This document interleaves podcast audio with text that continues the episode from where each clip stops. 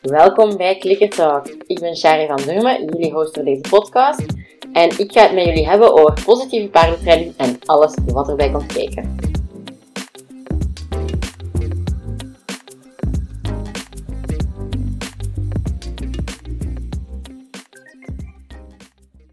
Welkom bij de 23e aflevering al van Clicker Talk. Het gaat echt super snel. Ehm, vandaag heb ik een aflevering voor jou die ik heb gemaakt na de vraag van een volger op Instagram. Die had gevraagd of ik eens een, ja, een aflevering wou maken met eigenlijk een lijstje met wat inspiratieoefeningen.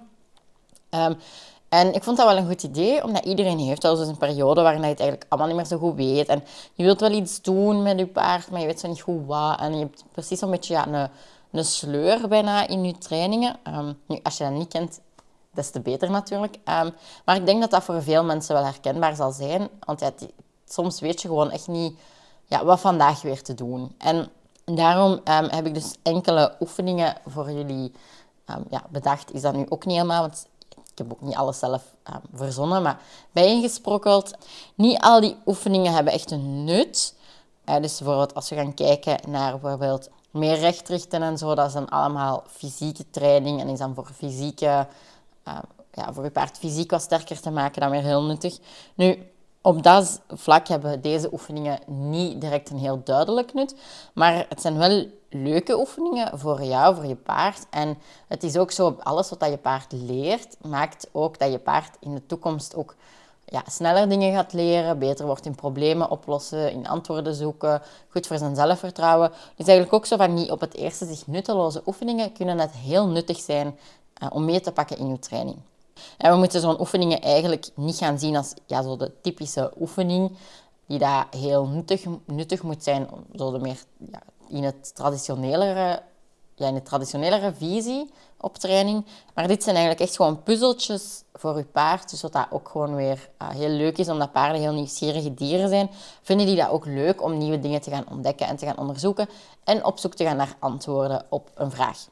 Ik wou eerst tien oefeningen doen, maar ik heb er uiteindelijk elf van gemaakt. Dus ik ga elke oefening ja, eerst even uitleggen, uiteraard, wat het juist is. Maar dan ook proberen om vrij kort een beetje een stappenplan te geven hoe dat je dat kan aanpakken. Nu, ik ga het meestal vooral over het begin hebben, want dat is meestal het moeilijkste. Van hoe moet je nu ja, effectief gestart raken. Meestal een keer dat je het begin hebt, geraken mensen wel gemakkelijk verder. En een keer dat je bijvoorbeeld paard in draf leren gaan met de beenhulpen bijvoorbeeld van vorige week. Als je dan zegt van een keer dat je paard begint te reageren op die beenhulpen, ben je vaak wel vertrokken. Dan ga je gewoon belonen, belonen, belonen. Maar om nu gestart te raken, dat is eigenlijk soms een beetje hetgeen wat het moeilijkste kan zijn. Dus daar ga ik ook wel voornamelijk op focussen in deze uh, aflevering. Nu, als je vragen hebt over bepaalde oefeningen, um, dan mag je mij dat altijd sturen via Instagram of via mail, of maakt niet. En dan ga ik u daar nog wat bij proberen helpen. Um, of als je les pakt bij mij en je zegt van, oh, dit zou ik ook wel eens graag in een les behandelen, mag je mij dat ook zeker laten weten. Um, dan zorg ik dat ik de dingen mee heb die dan nodig zijn voor de oefeningen. Want sommige oefeningen hebben wat attributen nodig. Nu, ook geen zotte dingen. Hè. Het is niet dat je een heel agility parcours moet gaan uitzetten. Dat ook niet. Um, maar gewoon dat ik dan de juiste dingen kan meepakken. Oké, dus dat is zo'n beetje wat we dus vandaag gaan doen. De eerste oefening waar ik het over wil hebben, is al direct een hele leuke, dat ik al um, bij verschillende mensen heb gedaan. En ja, de paarden vinden dat eigenlijk ook altijd super leuk om te doen. En dat is kleuren herkennen. Nu, we gaan uiteraard daarbij niet beginnen met een hele regenboog voor ons paard leggen en dan maar wat namen zeggen en verwachten dat hij de juiste kleur gaat aanduiden. We gaan dat uiteraard heel hard opbouwen. En meestal begin ik met de kleuren geel en blauw, omdat dat kleuren zijn dat het paard gewoon heel goed kan zien. dus als je gaat kijken naar de ogen, dan, ja, wij hebben zo, ik denk dat dat kegeltjes heet in het Nederlands, um, hebben we zo die kegeltjes in onze ogen. En wij hebben er drie. dus we hebben de gele, de blauwe en de rode kegeltjes. En um, waardoor dat wij dus alle kleuren kunnen zien, dat wij kunnen zien. En uh, bij paarden, die hebben er maar twee. Die hebben de gele en de blauwe, waardoor dat zij de wereld dus heel anders zien dan dat wij dat doen.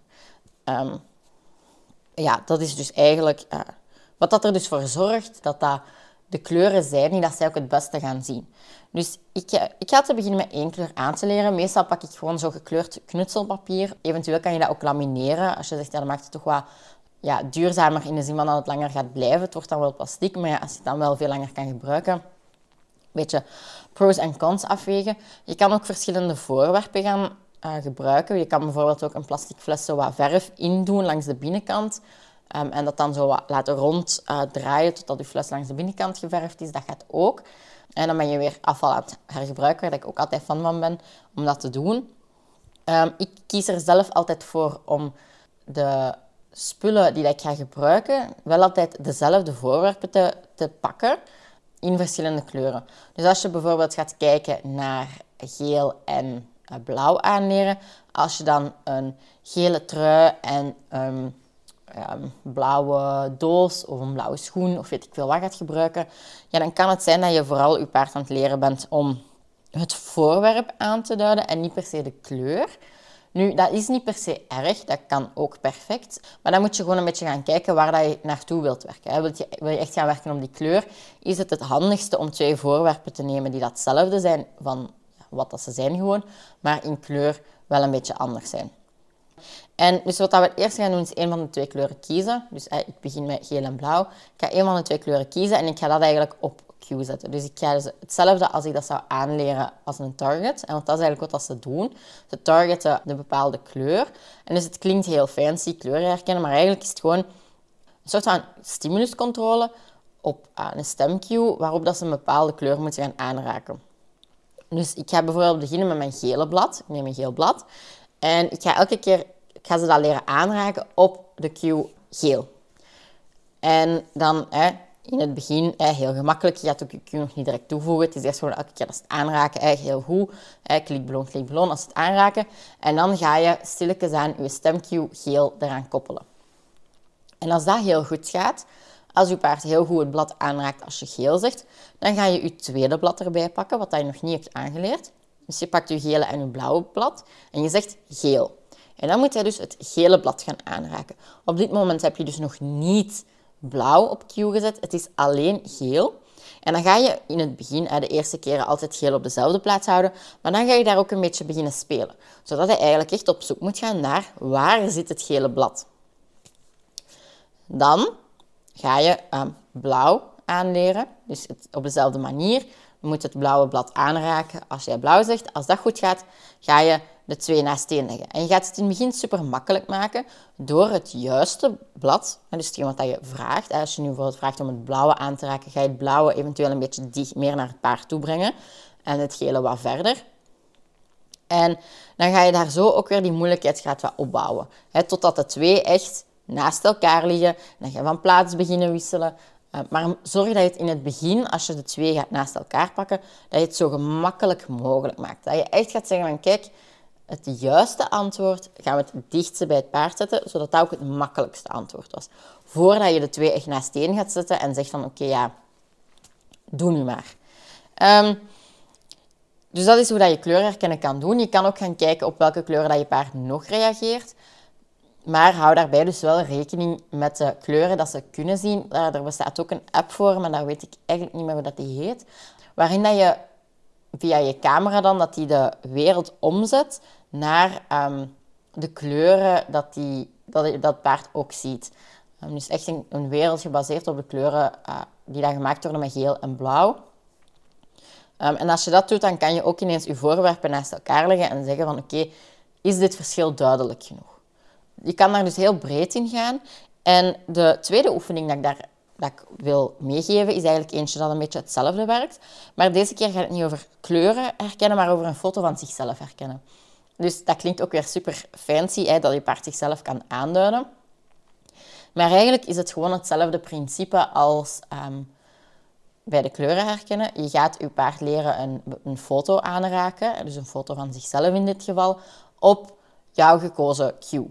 En dat kan bijvoorbeeld zijn naam zijn, of dat kan zijn waar ben je, hè, of waar zit je, of je kan daar zo zot in gaan als dat je zelf wilt.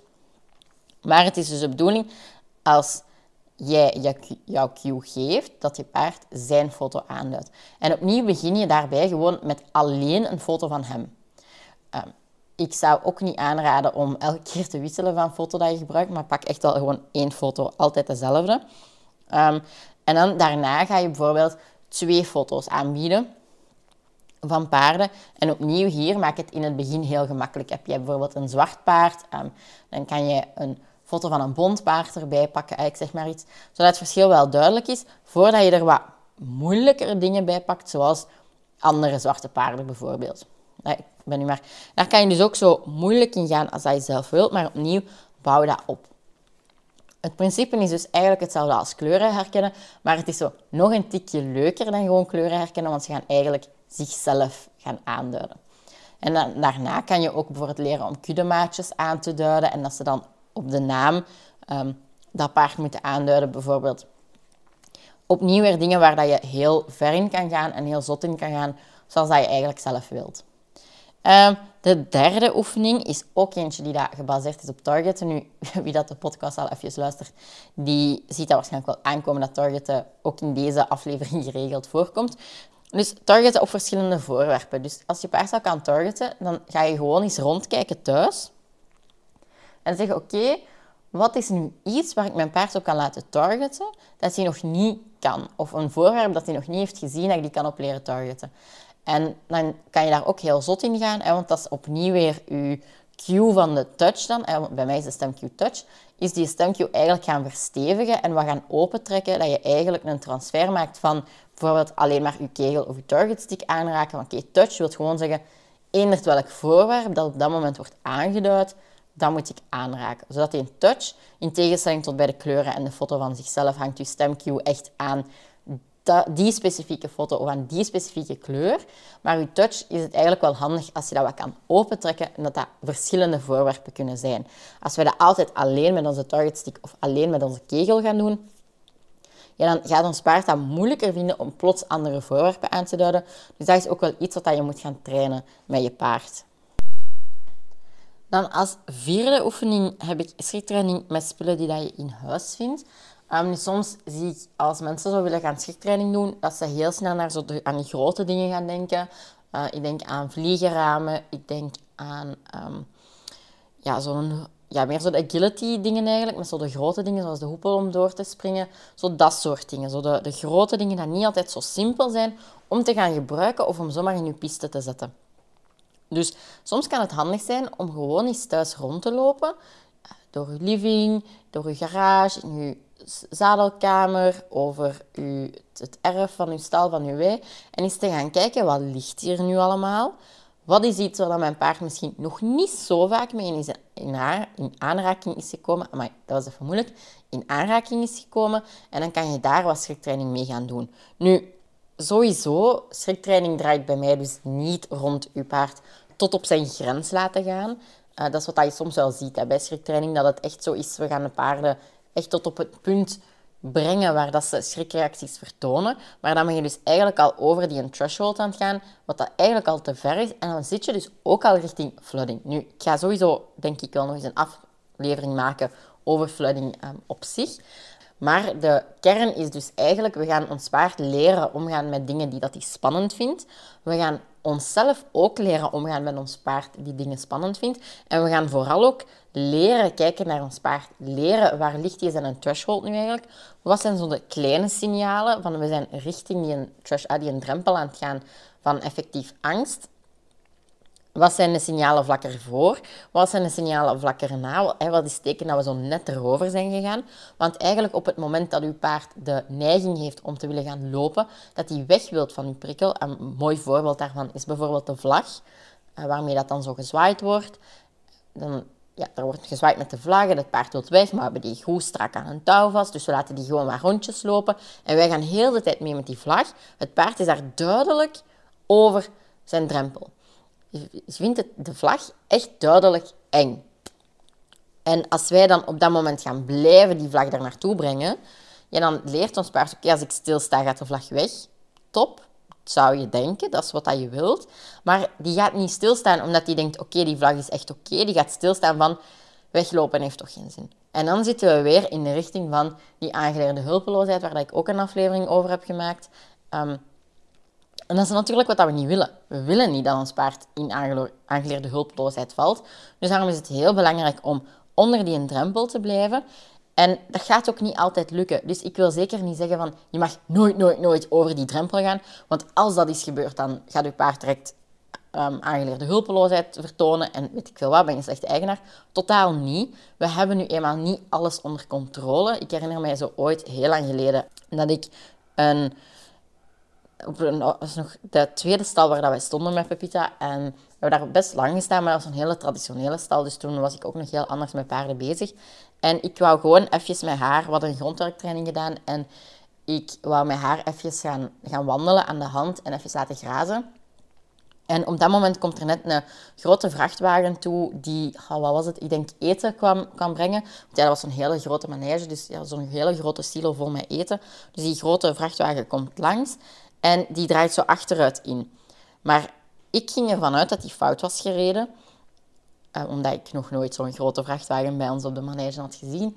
En dat die gewoon aan het draaien was. Dus dat hij zo achteruit de oprit opreed, want die reed ook heel hard tegen de kant. Um, dus in die situatie ging ik ervan uit, ah, die gaat gewoon draaien. Dus ik wacht even, um, maar die blijft gewoon staan. En, en, die komt dan achteruit doorrijden. Nu, ik was op dat moment, um, kon ik niet meer zomaar weg. Mijn paard was al aan het stressen. En daar was zo'n klein tuinhuisje van de buren eigenlijk, met zo'n heel klein stukje asfalt, betonachtig iets ervoor. Dus ik ben daar moeten gaan staan, terwijl dat die grote vrachtwagen op nog geen twee meter van ons voorbij reed. Super harde paniek natuurlijk. Nu, achteraf gezien had ik dat kunnen voorkomen. Ik had kunnen teruggaan. Maar op dat moment had ik foute um, judgment calls gemaakt. Ik had anders kunnen reageren, klopt. Maar op dat moment, ja kijk, het was nu eenmaal zo. Ik ben los over haar angstrempel gegaan. En ik heb daar ook uit geleerd. Pepita heeft daar ook uit geleerd. Ze heeft daar gelukkig geen angst voor vrachtwagens aan overgehouden. Maar ik heb daar wel uit geleerd. En zeker als ik daar nu aan terugdenk, denk ik, ah ja, ik zou dit of dit of dit anders kunnen doen. Maar ik wil maar zeggen, je hebt niet alles onder controle, dus je kan ook niet altijd voorkomen dat je over die drempel gaat. Maar wat dat ik eigenlijk wou zeggen, is probeer niet bewust over die drempel te gaan. Op het moment dat je de vluchtreacties van je paard gaat opzoeken voor je training, ben je eigenlijk met flooding aan het trainen en dat moet je dus wel vermijden. Want je wilt niet dat dat eigenlijk is waarop dat je training gebaseerd is. Op opgeven. Want dat is wat er op dat moment gebeurt. Maar dus, een kleine bunny trail. Wat ik dus eigenlijk oorspronkelijk wou zeggen, schriktraining draait dus niet rond die schrikreacties opzoeken, maar draait over de communicatie met uw paard. En over dus echt heel goed gaan kijken naar uw paard. Wat zijn die signalen? En zodat op het moment dat er dingen komen dat jij niet in de hand hebt, dat jij op dat moment je paard goed genoeg kent om... Ja, je kan nooit 100% voorspellen wat dat die gaat doen, maar je kan wel een beetje gaan voorspellen wat dat die gaat doen. Door te gaan kijken, oké, nu ben ik over die drempel. Als ik nu niet oppas, dan gaat hij waarschijnlijk dit of dit doen. Of te zeggen, oké, hij vindt het spannend, maar ik heb nog wat ruimte voor dat er iets erg gaat gebeuren, dus ik kan nog dit of dit gaan doen. Ja, want daar draait voor mij schriktraining over. Dat gaat niet over uw paard aan heel veel dingen laten wennen. Want het is eh, paarden denken in foto's. Ik heb dat waarschijnlijk nogal eens gezegd in een andere aflevering. Paarden denken in foto's. Dus wat gebeurt er op het moment dat je dat je je paard gaat, bijvoorbeeld aan die vlag gaat leren wennen. En het ding van, oh ja, als ik dan op wandeling ben, dan gaat hij, gaat hij niet meer verschieten van een flapperende plastic bijvoorbeeld. Maar dat is helemaal niet gezegd, want dat is een andere situatie, een andere setting. Je hebt waarschijnlijk al veel meer andere prikkels dat zijn binnengekomen. Dus die training gaat niet per se helpen op het moment dat je dat tegenkomt. Maar ik ben echt... Misschien moet ik er gewoon een aparte aflevering van maken. Maar dus, schriktraining draait over de communicatie en uw paard leren kennen. En ook uw paard dat u leert kennen. Dat hij weet, oké, op het moment dat ik schrik heb, dan is mijn mens er wel voor mij. En dat je een beetje die vertrouwensband wel gaat opbouwen. Nog meer dan dat je gewoon zomaar leuke dingen doet. Maar dus, cirktraining met spullen dat je in huis hebt, moet niet altijd groot zijn. Je kan bijvoorbeeld ook een bottlebank maken met lege plastic flessen. Dat is ook een agility oefening, dus dat je eigenlijk allemaal uh, die lege flessen gaat platduwen en wat, dat ze daar moeten doorlopen. Ik raad wel aan, als je dat doet, om geen frisdrankflessen te nemen, tenzij dat je die even uitspoelt. Want als je dat niet doet en je laat die in een bak liggen, eh, ja, dan gaat dat allemaal beschimmelen. En dat is natuurlijk wat je niet echt wilt hebben. Dus pak waterflessen of spoelenflessen eerst heel even uit.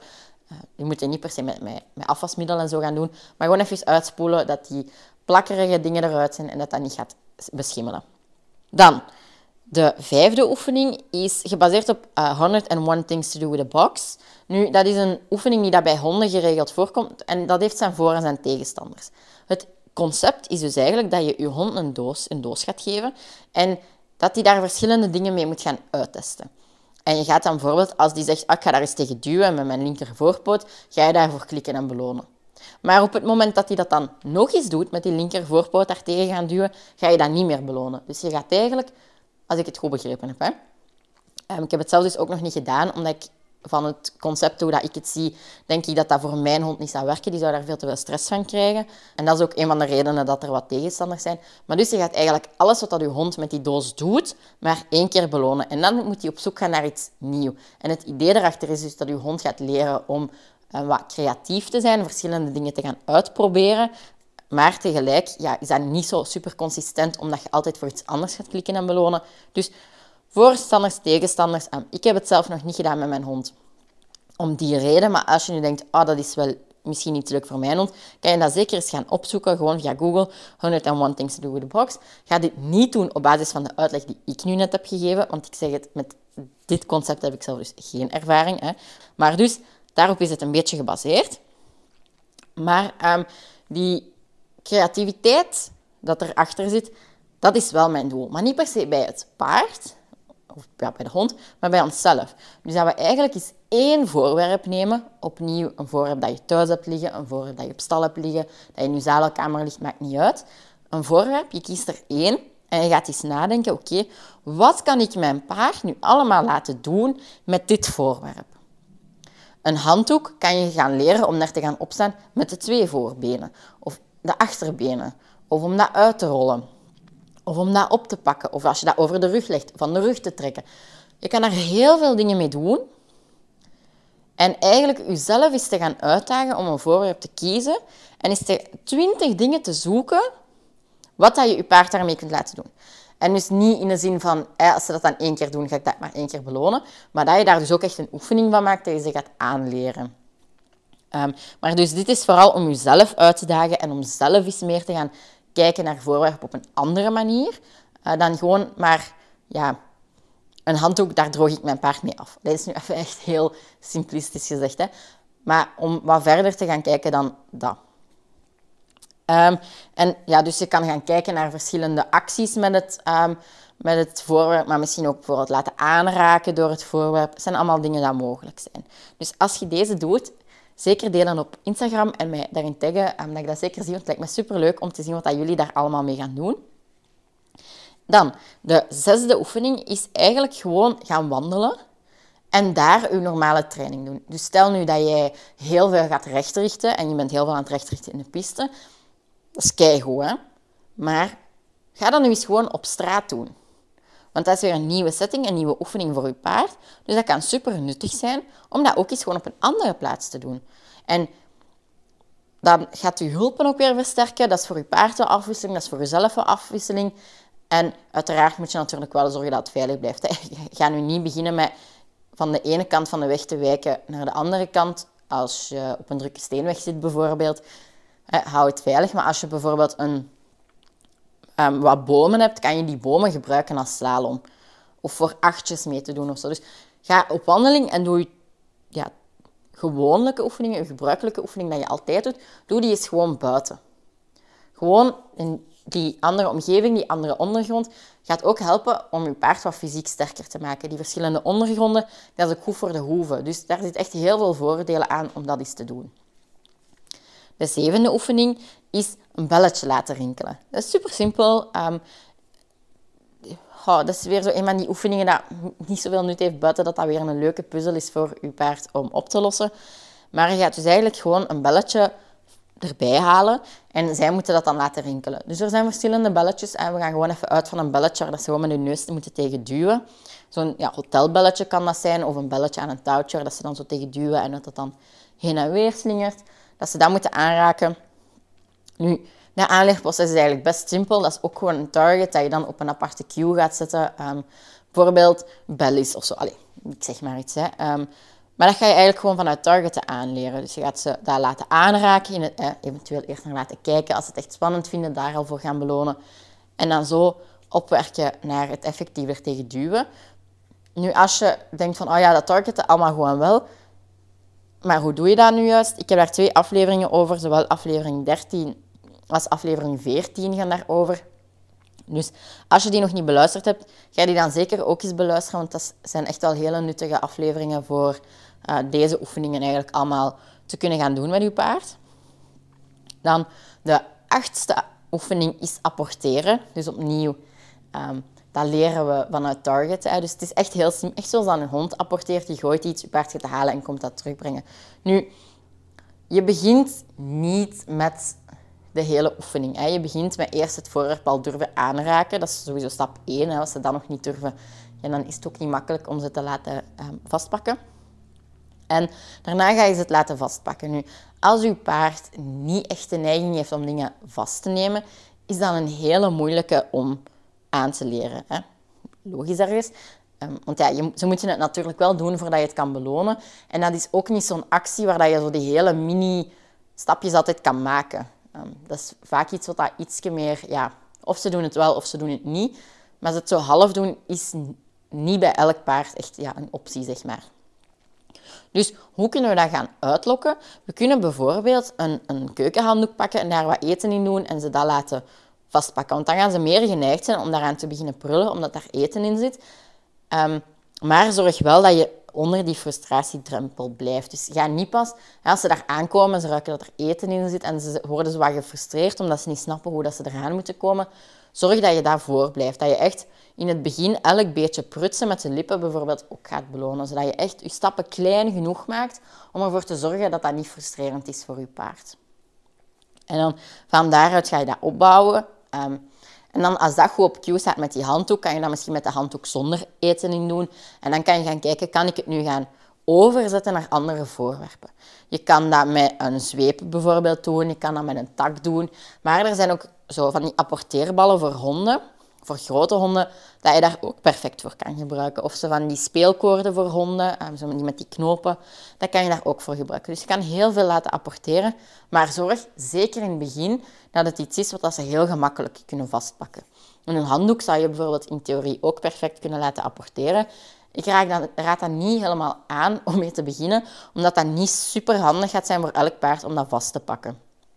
Dus sowieso, alles wat je laat apporteren, zorg ook goed dat dat vastpakken ervan goed op, ja, op cue staat. Dat ze ook niet zomaar in het wilde weg, ehm, zeker als je dat met een handdoek zou doen op termijn, als je ze wilt afdrogen, ik zeg nu maar iets, dat ze niet per se die handdoek gaan willen vastpakken. Dus zorg dat dat wel goed op cue staat. Ehm, en wat dat ook belangrijk is bij apporteren, ja, je begint dus eigenlijk niet in het begin, in de zin van hè, het begin is dat jij gooit en dat zij er naartoe gaan. Je begint dus eerst met gewoon al van dichtbij het aanraken en het vastpakken. Ja, en dan ga je het op, hè, op de grond een klein beetje afstand gaan opbouwen naar het vastpakken, zoals dat bij target ook zou doen. Je begint eerst de target in je hand, of ja, meestal in je hand voordat je die op de grond zet.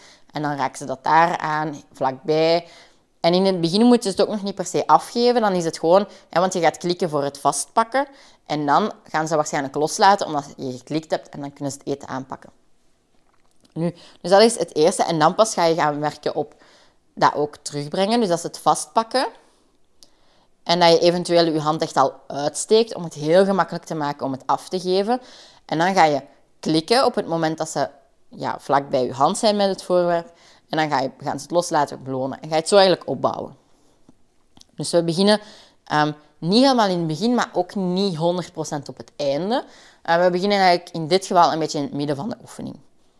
Um, dan de negende oefening is lichaamsdelen laten targeten. Dus daar heb ik ook aflevering 14, gaat daar volledig over. En wat typische zijn bijvoorbeeld de knietarget, um, maar uh, schoudertarget, heuptarget en staarttarget.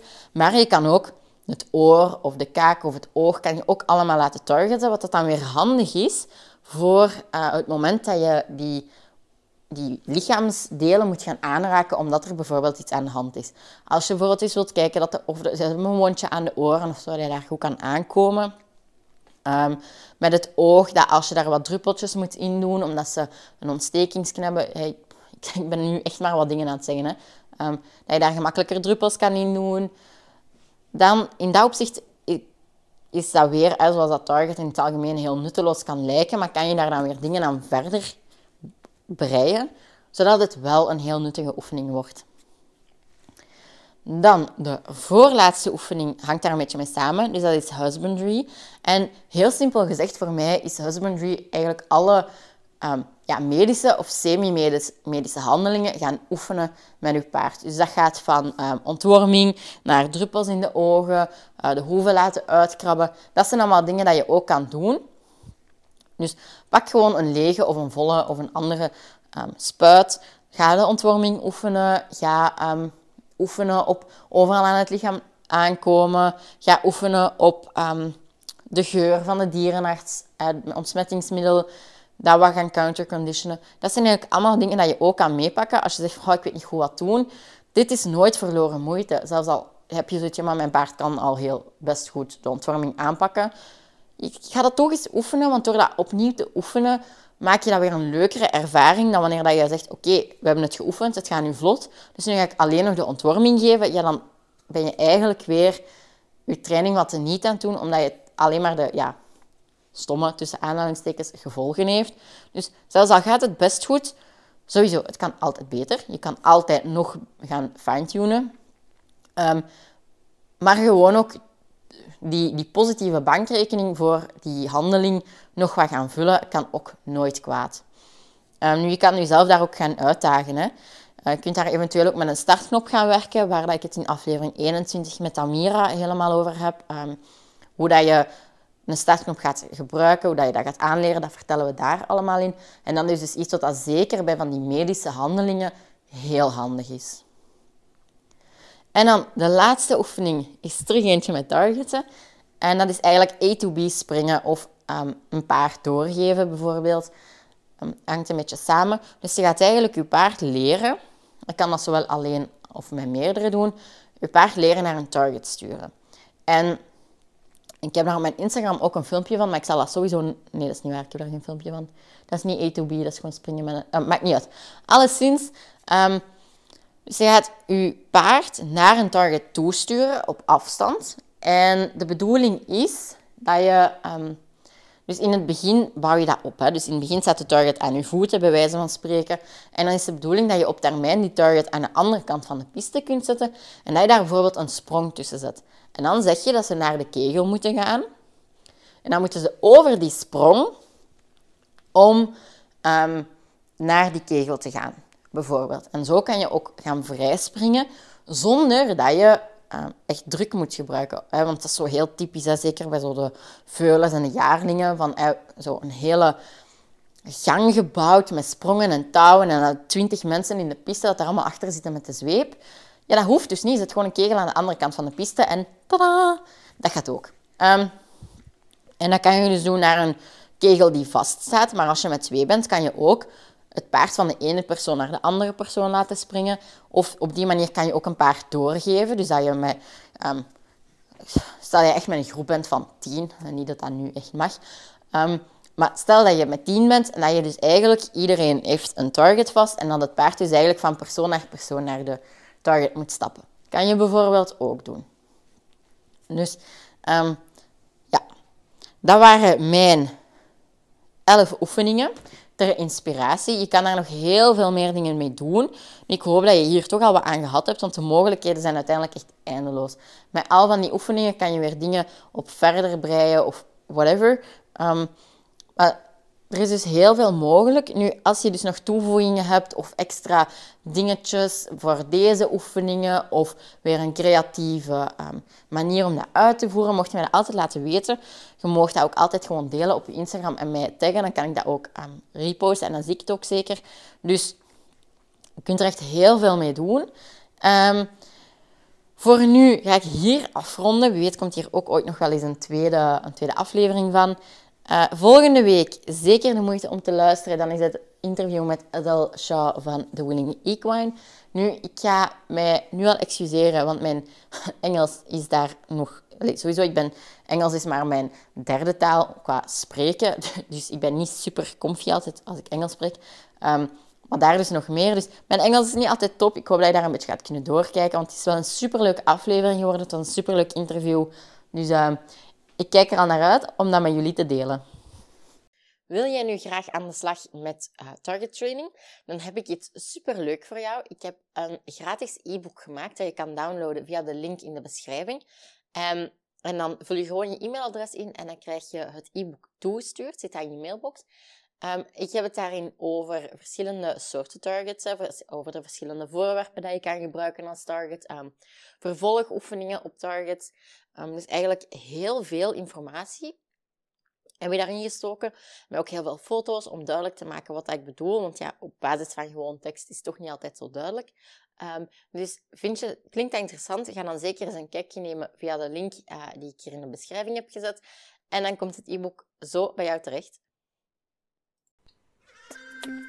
Dat was het voor deze week in Klikkertalk. Ik hoop dat je het een fijne aflevering vond en dat je er natuurlijk ook iets uit geleerd hebt. Want dat is uiteindelijk wel de bedoeling van deze podcast. Als dat het geval was, neem dan zeker een screenshot. Deel die op je Instagram stories en tag me dan ook zeker, zodat ik het zeker zie, op atsjarevd.ekelist. Heb je nog vragen of eventueel onderwerpen of personen die ik in de toekomst zeker nog aan bod moet laten komen, mag je mij dat ook altijd laten weten, zowel via Instagram als op mijn e-mailadres shari.klikkertraining.be. Tot volgende week!